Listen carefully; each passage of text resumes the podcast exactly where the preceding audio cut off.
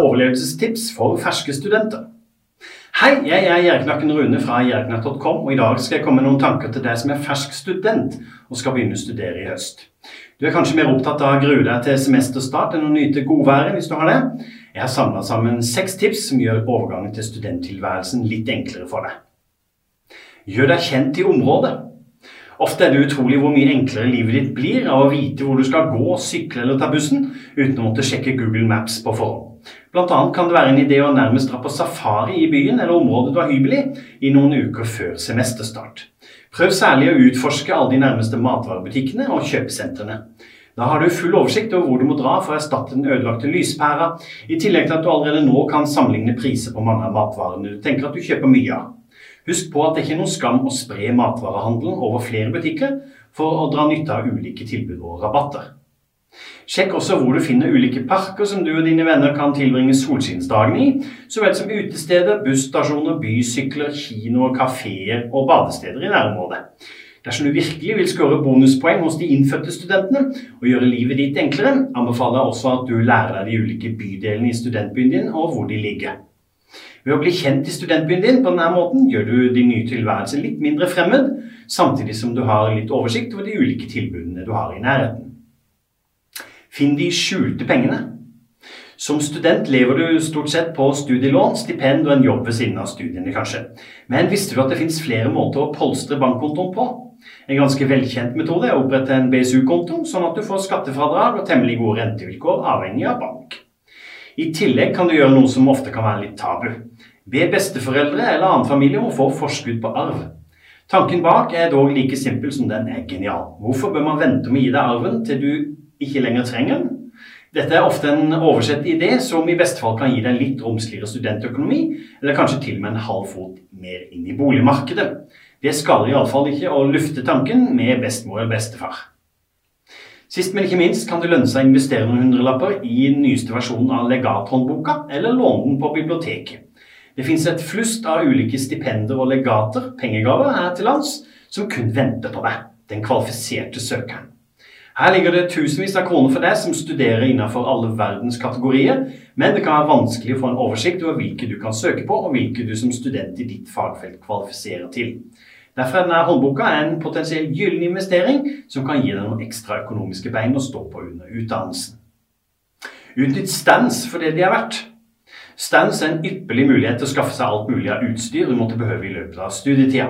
Kulepenner, tøyposer og notatblokker er bare noe av godsakene som kan bli dine hvis du tar deg noen minutter til å drive standshopping, som jeg kaller det. Sjansen er høye for at du sparer en del kroner på å knabbe med deg litt fra lag, foreninger og organisasjoner som dukker opp på universitetet. Hold derfor utkikk etter uker med mange stands på universitetet, f.eks. under valget til studentparlamentet. Kutt ned på shoppingturene og impulskjøpene. Livet som student er ikke shoppingvennlig. Shopping vil du etter hvert måtte anse som en hobby, fordi det raskt kan bli et pengesluk uten like. Unødvendig impulskjøp gjør fort store innhogg i økonomien din, uten at du får noe særlig igjen for det. En soleklar løsning er så klart å sette opp en handleliste hver gang du drar ut og handler. Sammen med et månedsbudsjett du aktivt prøver å holde deg til, kan du få bankkontoen din på rett kjøl gjennom studietida. Allikevel blir en ikke lykkelig av stramme budsjetter og slavisk følge handlelista. Det erkjenner sjøl eh, en gjerknakk som meg. Trikset er å gjøre sparing til noe gøy. Studentlivet skal ikke være grått og trist fordi bankkontoen til tider er litt skranten. Istedenfor å dra på klesshopping kan du heller ha byttekvelder med venner. Da får du gitt bort klær som du ikke har brukt på årevis, og noen andre du kjenner kan få glede av dem. Og så kan dere samtidig le dere skakk over en T-skjorte du finner bakerst i skapet. Altså er det både en sosial og morsom måte å spare penger på. Fest smart på byen. Uansett hvor hardt du prøver, kommer du før eller seinere til å havne på byen med noen venner og medstudenter. Det kan bli en dyr affære, men hvis du er klar over det, har du muligheten til å bevisst begrense innhogget i bankkontoen. Et godt tips kan være å gi deg sjøl en fast sum med kontanter og la bankkortet bli på hybelen. Slik unngår du at pengegrensa du satte deg, sprenges av en mer brisende og forbruksglad versjon av deg sjøl, samtidig som du unngår å bli overstadig berusa. Vinn-vinn. Når du skal hjem for kvelden, bør det ideelt sett gå innafor summen du har gitt deg sjøl, men det kan jo være vanskelig. Da er det viktig å huske på at å dele taxi med tre andre fort reduserer utgiftene drastisk, særlig hvis dere bor i nærheten av hverandre. Slik blir veien hjem både rimeligere og mer gøyal. For deg som bor i kollektiv, bli kjent med dem du bor sammen med. Som student vil det å få nye venner aldri skade, særlig når det gjelder folk du skal bo med over lengre tid. I tillegg kan det gi deg og resten av kollektivet en avslappa atmosfære til alt av husarbeid og lignende. Sett gjerne også opp noen regler for kollektivet ganske tidlig.